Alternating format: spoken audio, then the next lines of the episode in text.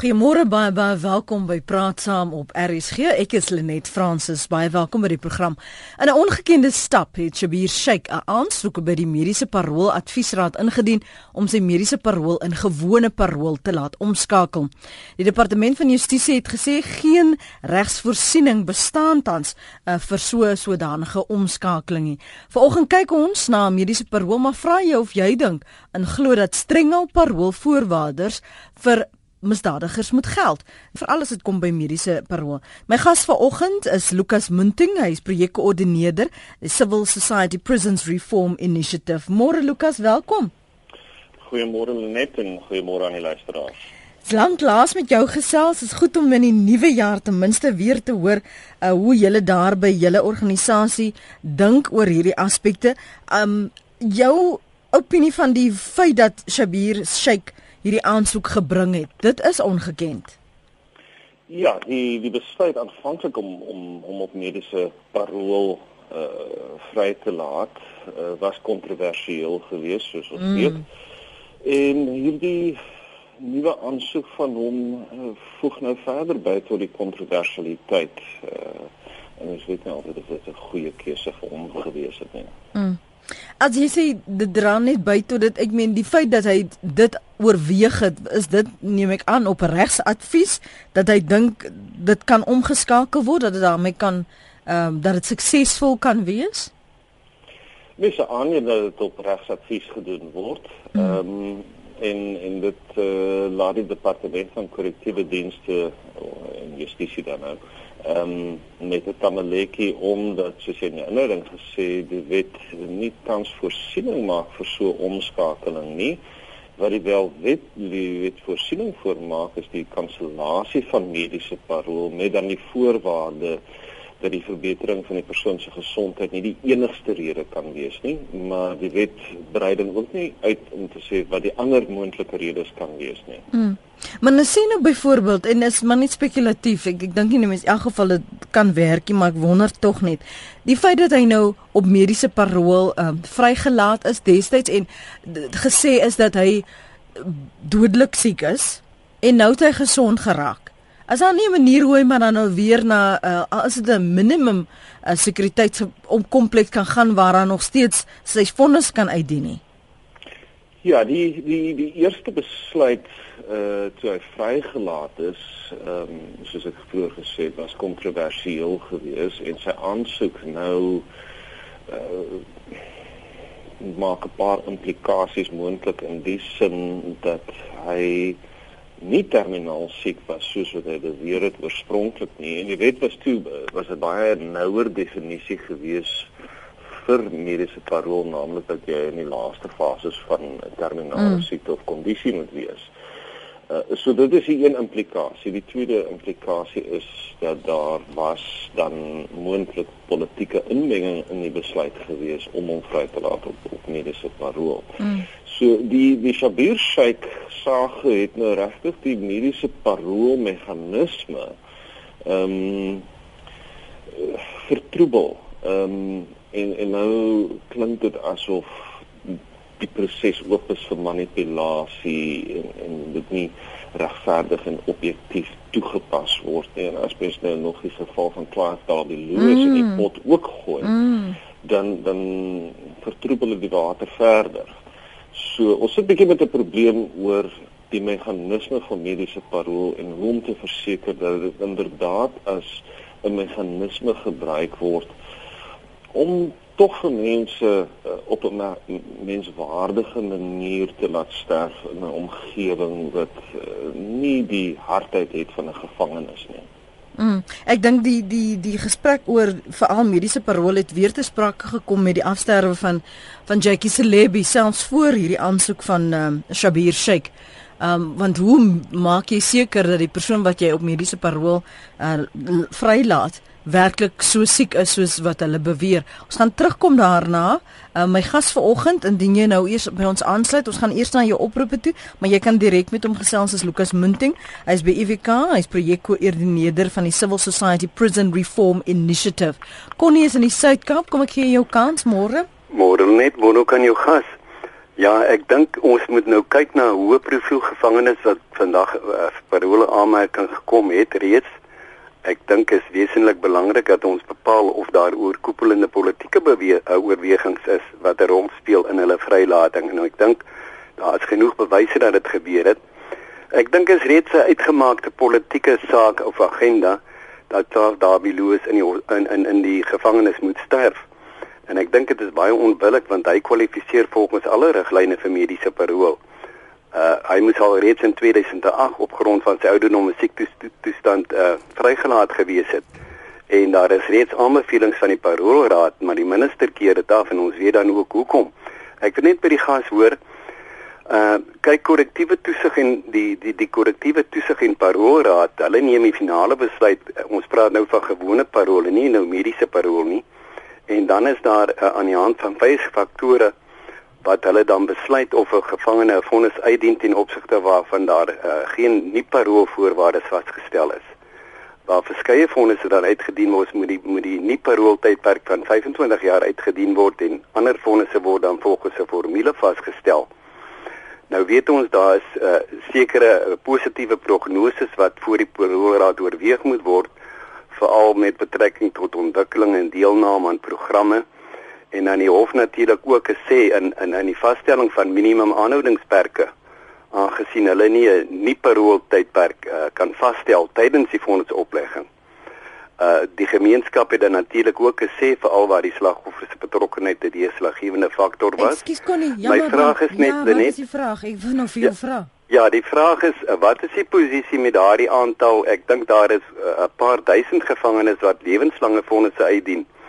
In ingevolge wetgewing van 2011 kom hulle ook 'n aanmerking omdat hulle voor 1984 gevonnis is en uh, minstens 13 jaar uh, al van daardie vonnisse uitgedien is. Uh, okay. Wat is die posisie van in, in, in verband met daardie gevangenes? Dankie Connie. Uh, Lukas, kan jy kommentaar lewer asseblief?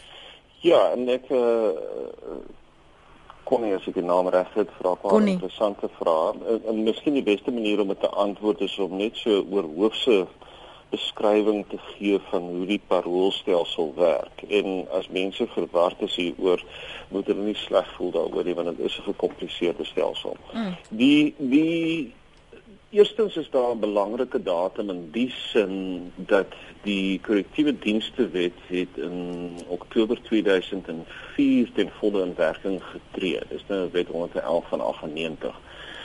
En dit skep dan in effek twee paroolregimes. Ehm um, nou onder voor dit moes 'n uh, gevangene uh, as 'n reël ten minste 1/3 van die tydperk uitdien uh na 2004 het dit opgeskuif na 1 helfte toe.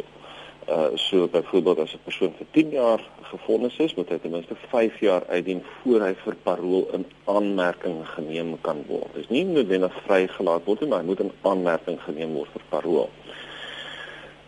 Uh ook na 2004 uh, 'n persoon wat tot lewenslank gefonnis is, moet 'n minimum van 25 jaar uitdien uh voordat die persoon vir parol in aanmerking geneem kan word. En dan in die geval van mense wat lewenslank uitdien, is dit net die minister uh wat die persoon mag vrylaat uit uiteraard op aanbeveling van 'n parolraad en ook die nasionale raad op korrektiewe dienste maak 'n aanbeveling aan die minister. Persone wat minder as 'n straf van minder as 2 jaar gekry het. Hulle besluit om op parol vrygelaat word word deur die nasionale kommissaris uh, gedoen en nie deur die parolraad nie. So dis in effek mense wat langer as 2 jaar uitdien tot en met net kort van lewenslank ehm um, wat deur die paroolraad beslis word. Selfs al is 'n persoon nie tot lewenslank gefonnis nie, maar uh, wel kom ons sê vir argument salwe vir 60 jaar moet die persoon na 25 jaar in aanmerking geneem word vir parol. Dit is dan die reël wat vir almal geld. Ehm um, dan het kon ek ook gevra oor of die opmerking gemaak oor die howe wat nie parol tydperke vas lê dit is as 'n reël uh die appelhof beslis dat dit nie wenslik is dat die howe moet inmeng in die uitvoering van die straf nie of die implementering van die straf nie. Die hof kan wel aanmerkings en opmerkings maak, maar dit is inderdaad die departement van korrektiewe dienste wat op die ou ende gegee die wetlike raamwerk 'n beslissing moet maak uh of 'n persoon reg is om op parol vrygelaat te word al dan nie. Mm. Ons gaan hoor gou wat sê Andrei op Wellington. Môre Andrei. Goeiemôre Lenet en ook goeiemôre aan jou gas. Man, dis 'n baie interessante onderwerp waarmee ons vanoggend besig is. Eerstens wil ek sê dat uh, ek dink die minister behoort heeltemal uitgeskakel te word uit hierdie aspek. Daarom is daar 'n paroolraad met kundige mense wat besluite neem en dan 'n uh, voorstelle maak. Ek dink die voorstel moet verander word na 'n duidelike besluit en die besluit moet uitgevoer word. Die minister is 'n politieke persoon en ons weet alreeds dat die kabinet swaar gelaai is deur Zuma gesinde mense. Ons weet ook dat Shabir Sheikh uh, Zuma het direkte invloed gehad met sy vrylating. Daarom kan ons ook sien dat die minister sekere aspekte aanroer en sekere dinge, sekere besluite neem soos in die geval van Clive Darby Lewis wat glad nie vrygelaat word nie waar politieke besluite geneem word deur 'n onkundige persoon terwyl die paroolraad wat mense het wat kundig is, sekere aanbevelings maak. Ek dink daardie wet moet gewysig word dat die aanbeveling moet dan weggevat word en dit moet die besluit moet deurgevoer word. Dis die funksie van 'n liggaam wat 'n besluit kan neem. Dan het ek 'n verdere probleem. Ons het gesien dat Shabir Sheikh kan nou as hy in hierdie situasie nou 'n gewone parol aansoek bring, 'n president kan skep waar Zuma weer 'n invloed kan uitoefen om sy parol voorwaardes nog makliker te maak as wat hy gehad het. Want ek meen hy was op die golfbaan, hy was oral. Daai man is so dodelik siek dat hy seker net 18 bietjies op 'n dag kan speel en nie meer nie. Terwyl dit is heeltemal duidelik dat sy loslating was 'n totale politieke besluit Ek sou sê as hy dan wil aansoek doen en omdat daar nie 'n prosedure nou is nie, sit hom terug in die tronk waar hy hoort. En uh, andersins verander jou jou jou jou wetgewing sodat die paroolraad se aanbeveling 'n uh, eh, beslissing word net soos wat die hof 'n beslissing maak dat die paroolraad dan die reg het om 'n beslissing te maak en uit te voer. Dit is wat ek graag wil sê. Dankie Andre. Andre van Wellington as jy saamstem of verskil kan jy van jou laat hoor 0891104553 0891104553 Dis 20 minute oor 8. Ons kyk ver oggend na paroolvoorwaarders vra of daar strenger moet wees vir misdadigers veral as dit by mediese parool kom. Jy kan inweeg en vir my SMS ook stuur na 3343. Onthou net jou SMS se kos jou R1.50. My gas vir oggend dis Lukas Munting. Hy's projekkoördineerder by die Civil Society Prisons Reform uh, Initiative by die Universiteit van Wes-Kaapland. Jy kan my ook volg en tweet by Lenet Francis 1. Jy het nou Andre uh, se betoog gehoor. Ek wonder toe nou terwyl hy praat, die paroolraad, want hy sê nou raak van die minister ontsla, want hy's 'n politieke aanstelling, maar die paroolraad, wanneer hulle mediese parool beoordeel, moet hulle eenparig, moet hulle in eensstemming wees oor watter kandidaate kwalifiseer al dan nie, Lukas?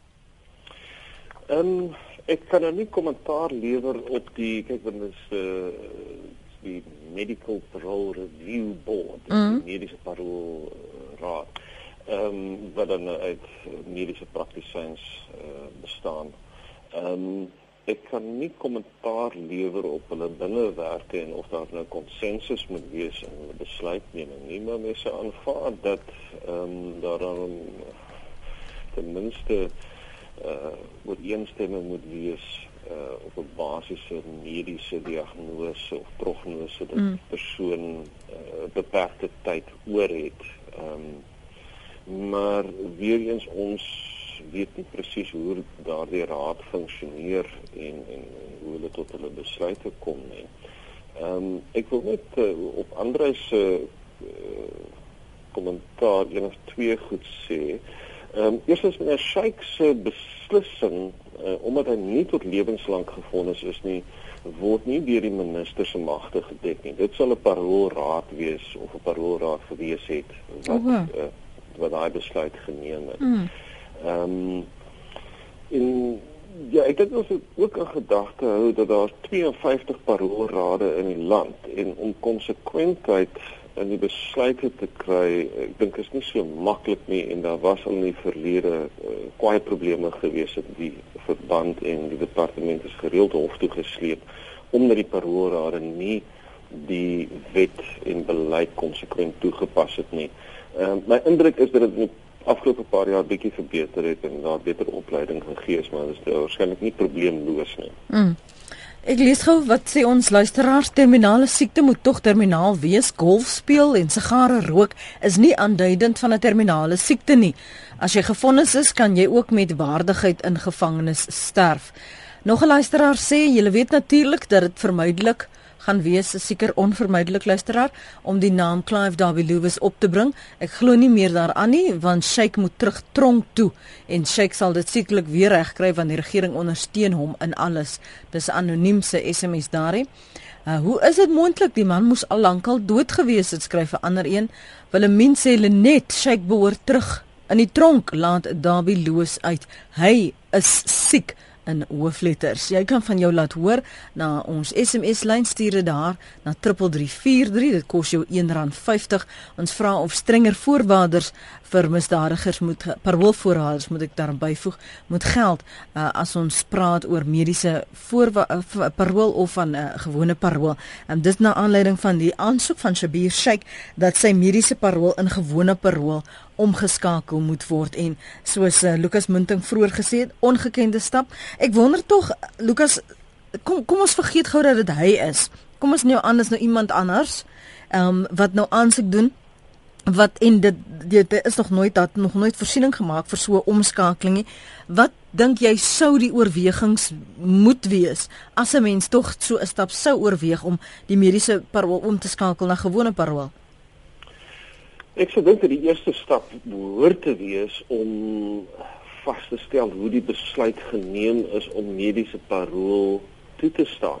Mm. Uh, as mens nou in gedagte hou dat die uh, vorige definisie vir mediese parole vereis dat die persoon terminaal siek is, hulle dit 'n bietjie uitgebrei en net gesê dat die persoon aan 'n terminale uh, uh siekte moet ly, nie in die laaste fases van 'n terminale siekte of kondisie is nie en toe dan nou bygesit as die persoon uh, die Engels is incapacitated, nie meer vir homself kan sorg nie, dat so 'n persoon wel vir mediese parole in aanmerking geneem kan word. So ek dink mens moet maar daar begin om te sê is was hierdie die korrekte besluit gewees. Ek dink nie mens kan dit objektief teen iemand hou as hulle vir watter rede nou ook al 'n mirakelagtige herstel toon en en en gesond raak nie. En, en ek dink daar is mediese bewyse dat sulke goed kan gebeur. Uh, en dan kan mens nie die persoon straf daarvoor omdat hulle gesond geraak het nie. Op die ou en kan mens uh, iemand net terugvat uh, tronk as hulle op mediese parol is as daar 'n paroolverbreeking is. Ehm um, en mens moet 'n gedagte dat mediese parool is steeds parool en hmm. die normale kondisies wat mens assosieer met parool kan uh, word ook op 'n persoon wat op mediese parool is uh, toegepas. So die die departement het daarin daardie uh, maatreëls in hulle sak ook. Ja. Ek kyk net gou hierso wat skryf van ons luisteraars uh, want Jody praat hierso tussendeur net vir my te herinner ons het 'n ander gas wat uh, later by ons gaan aansluit Marius de Tooi. Uh, een skryf Lenet hulle moet maandeliks permanent die hospitaal so Steve Biko besoek want hy is nog steeds staatspasiënt dan kan hy daar sit van 6 voormiddag tot 2 namiddag. Dan is daar nou 'n paar mense wat uh, ongekryde taal gebruik wat ek nie kan herhaal nie want dit gaan weer vir my nie moeilikheid kry. Um so hou maar weg, bly maar weg van die vloekwoorde luisteraars. Ek kan dit tog in elk geval herhaal nie. Um nee wat Lenet Shabir se regte, mm, Jackie Celebi was op mediese parol vrygelaat en het aan sy kondisie gesterwe. Uh, Shabir rook sigare, speel golf en kan nog mense klap. Laat hy terug tronk toe. Uh, dis Tony in Johannesburg se mening daardie.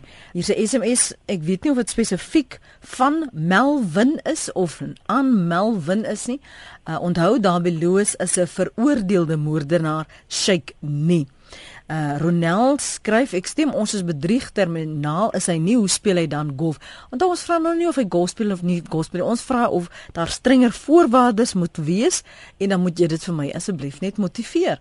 Uh, dis die die on, die onderwerp vanoggend nie hoeveel sigare hy rook en hoe terminaal siek hy is. Ons het mos nog gesien hy lê nie op sy sterfbed nie.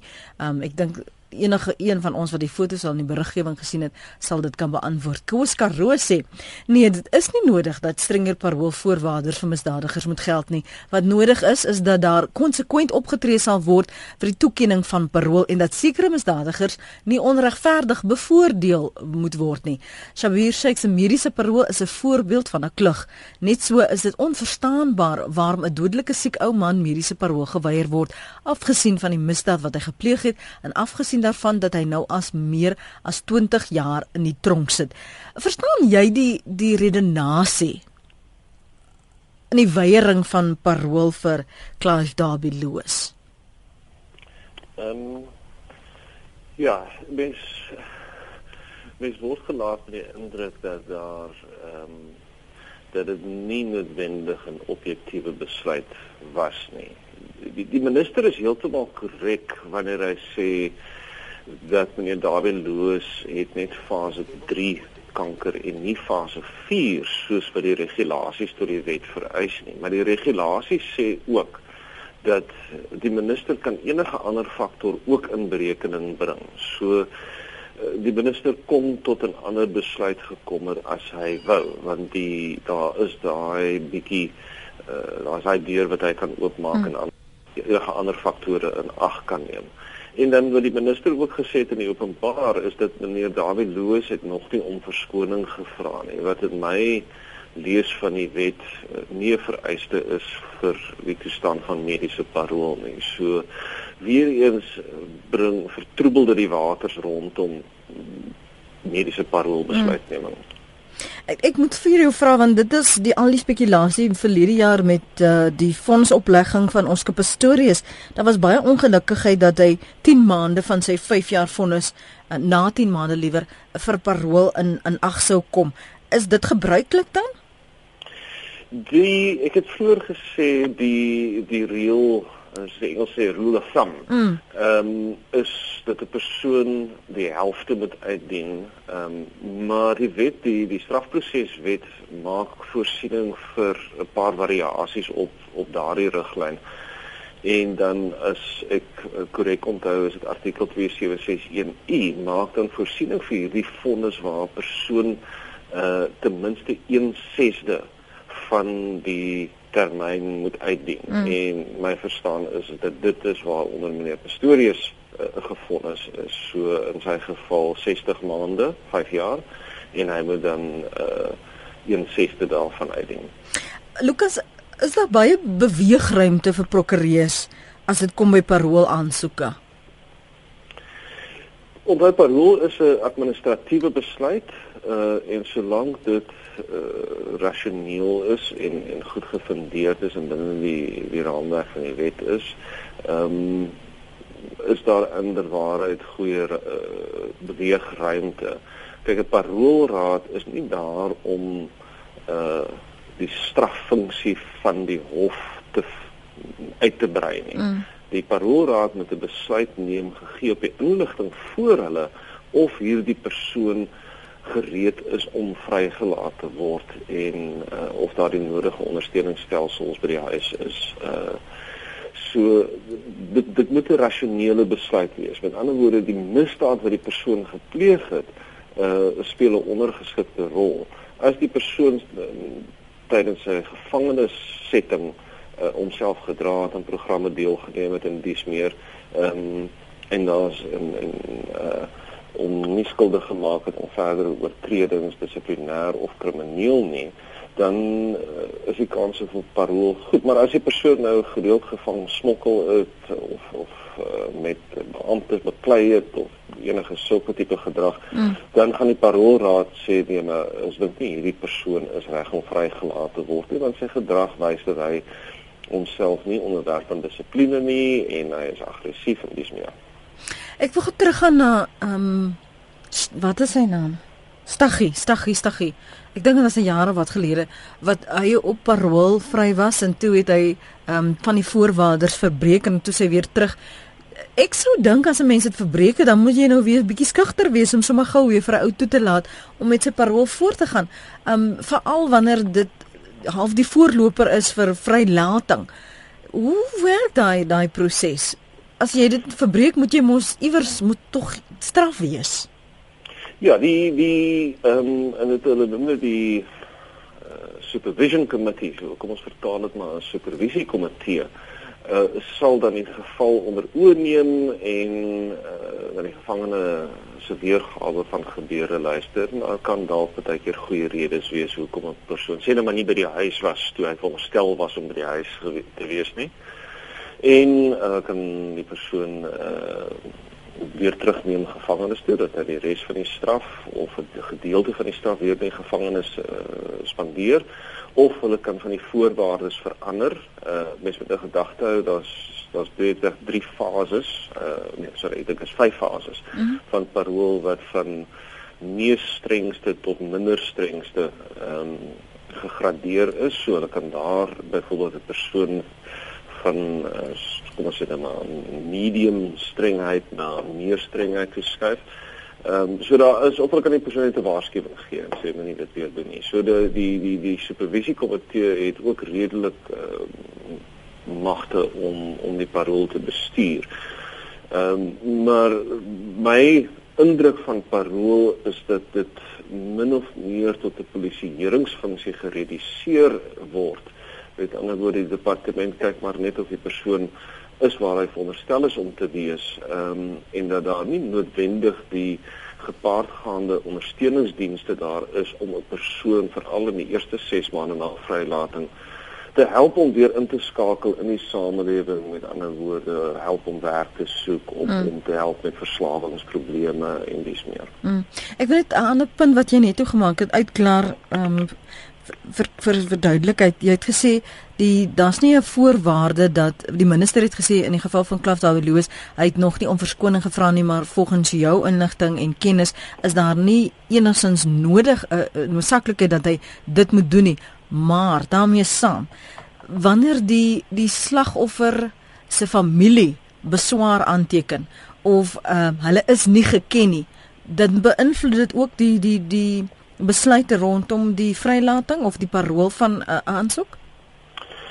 Dit uh as ons nou praat van gewone parol, mm, mm. ons praat nie van mediese parol nie, ja. want 'n mediese parol maak die misdaad uh inderwaarheid nie regtig saak nie. Ehm um, uh ja, dit kan die die parolraad kry meeste van hulle inligting by die in Engels is dit die case management committee of uh, geval bestuurskomitee. Uh en die uh, beskouinge van die familie sal uh, kan daarin ingesluit word uh, as ook of die persoon berou getoon het al dan nie maar daar's 'n hele stel inligting wat die parolraad in ag moet neem en dit beteken nie noodwendig dat as die familie uh, objeksie aanteken teen die vrylating dat die parolraad daarmee moet saamgaan. Die parolraad kan 'n besluit maak wat uh, wat dit nie uh, respekteer. Mm. Kom ons hoor gou wat het Jan op die hart. Jan môre, dankie vir die aanhou. Môre net. Die wat jy nou net praat van die familie. Ek wil mm. net by jou gas hoor. Jare gelede toe die doodstraf nog bestaan het, as 'n persoon gehang is, daai lijk is nie na die familie toe gaan nie. Hy het aan die staat behoort en hy's in die staat se begrafplaas by die tronk begrawe. Daar was niks met die familie te doen nie. En sodra 'n persoon gevang word, al is dit net vir vir 'n maand tronkstraf of vir 30 jaar vir moord, daar sodra hy gevang word, behoort daai persoon ons aan die staat. Hoekom roep hulle altyd die familie dan in? om uit, uit te vind of die persoon nou kan uitkom of nie. Die familie het mos nou niks met daai persoon soos in Derby lose gevang nie. Hy is mos nou staatseiendom. Hoekom karring hulle altyd met die familie? As hy net gou daarop kan antwoord, Dawie Loos is mos nou staatseiendom. Hy het niks met daardie se familie te doen nie. Of vir my net vir my dit ek luister by die radio. Ja, dankie vir die oproep. Ek luister ook aandagtig. Ek het eers ja. geweet jy sê jy jy's in die tronk was as jy in die staatseiendom nie.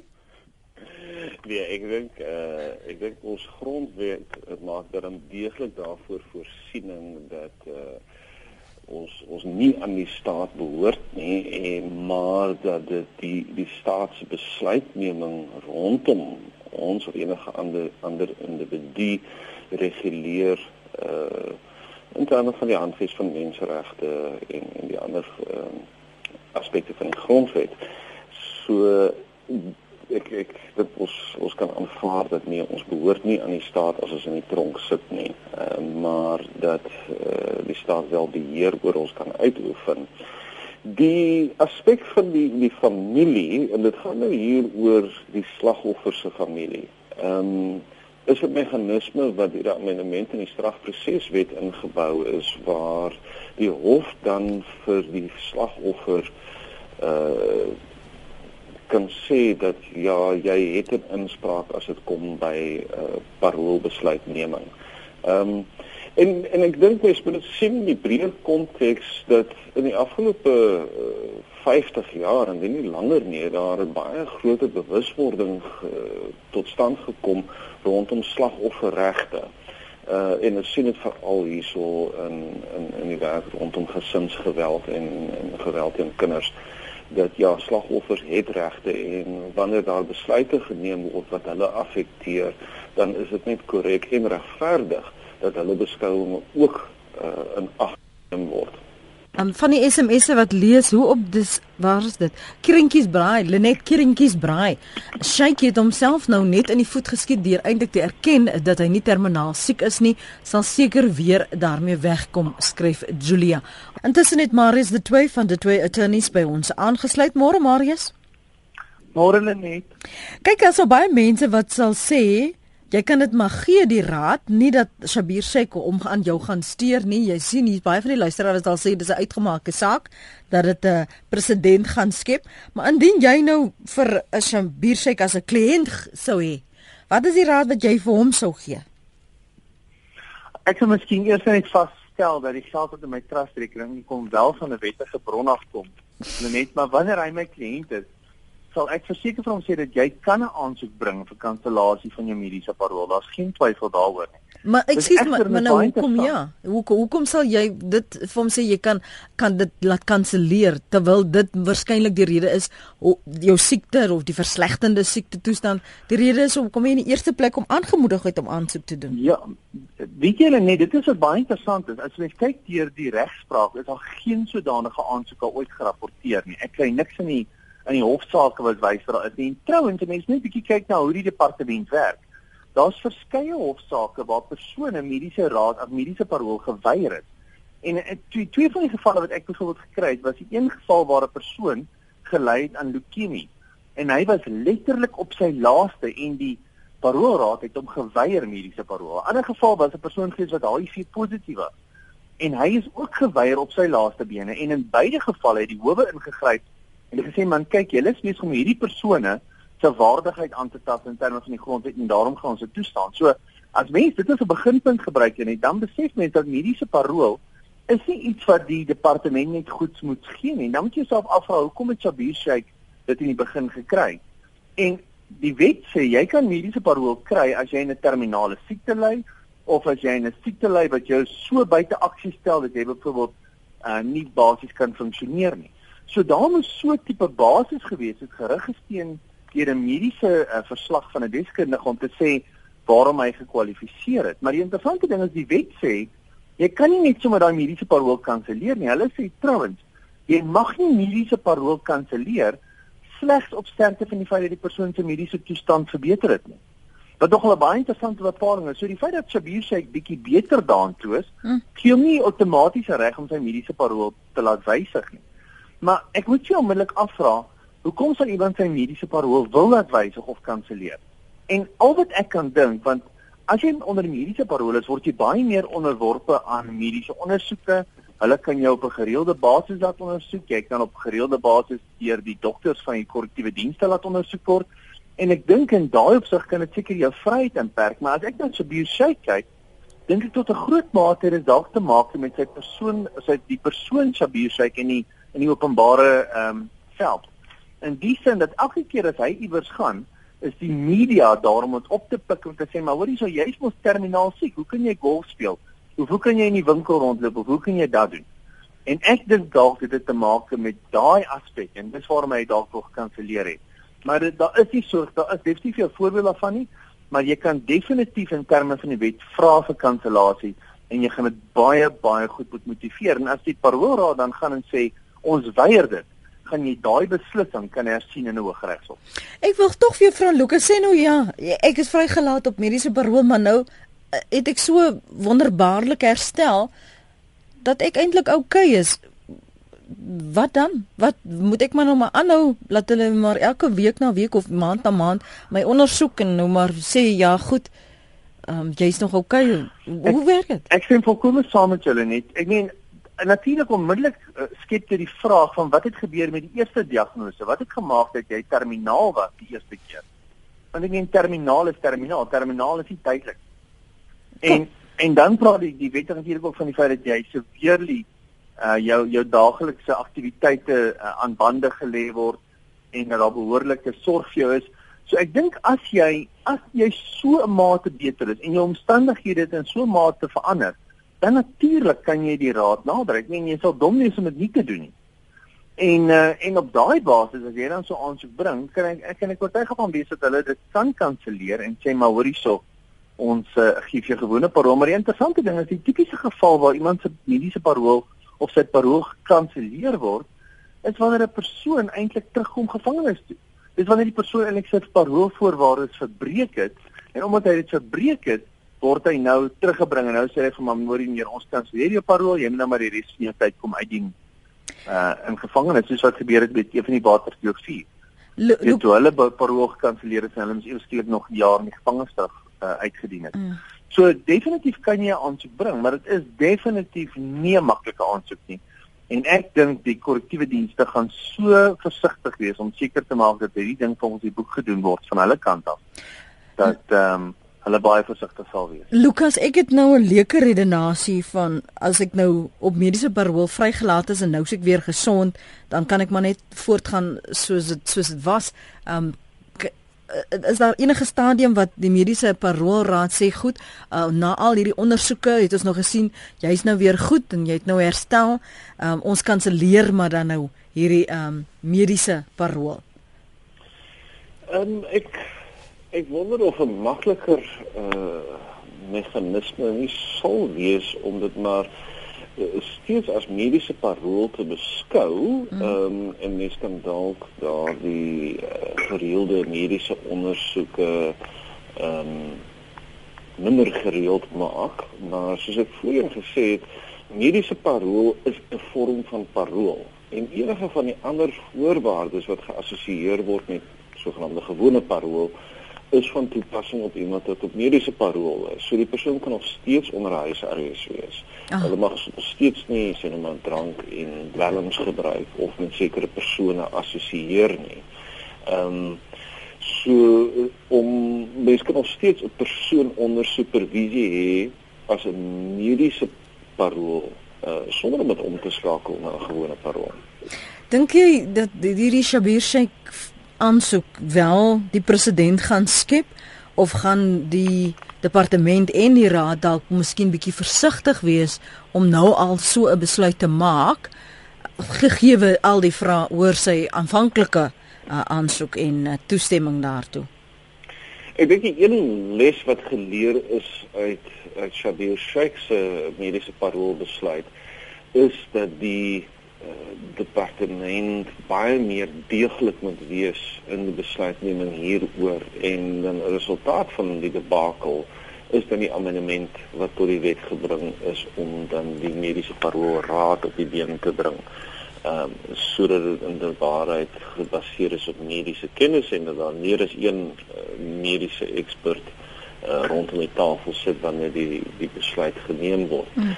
Mens kan ten minste vermoed dat toe hierdie voor die amendement dat die paroolrade is vir die besluit geneem het gebaseer op een of twee dokters se getuienis. Ehm um, en dit dan uh, die paroolrade nie self mediese experts is nie dat hulle wel waarskynlik maar relatief maklik kon ooreed gewees het uh, onder sekere omstandighede om iemand op mediese parol vry te laat. Alhoewel vrylating op mediese parol is nog 'n relatief rare gebeurtenis. Hmm. Ongelukkig moet ons dit eers daar laat. Ons sal maar moet wag en kyk en hoor wat die uh, raad, die departement, die raad wat hulle gee aan die mediese uh, paroolraad en hoe dit gaan hanteer word. Baie dankie vir julle insette vanoggend Lukas Minting. Dankie net. En uh, Marius de Toey, Marius de Toey is van de Toey Attorneys en Lukas Minting is by IWK, projekkoördineerder Civil Society Prisons Reform Initiative.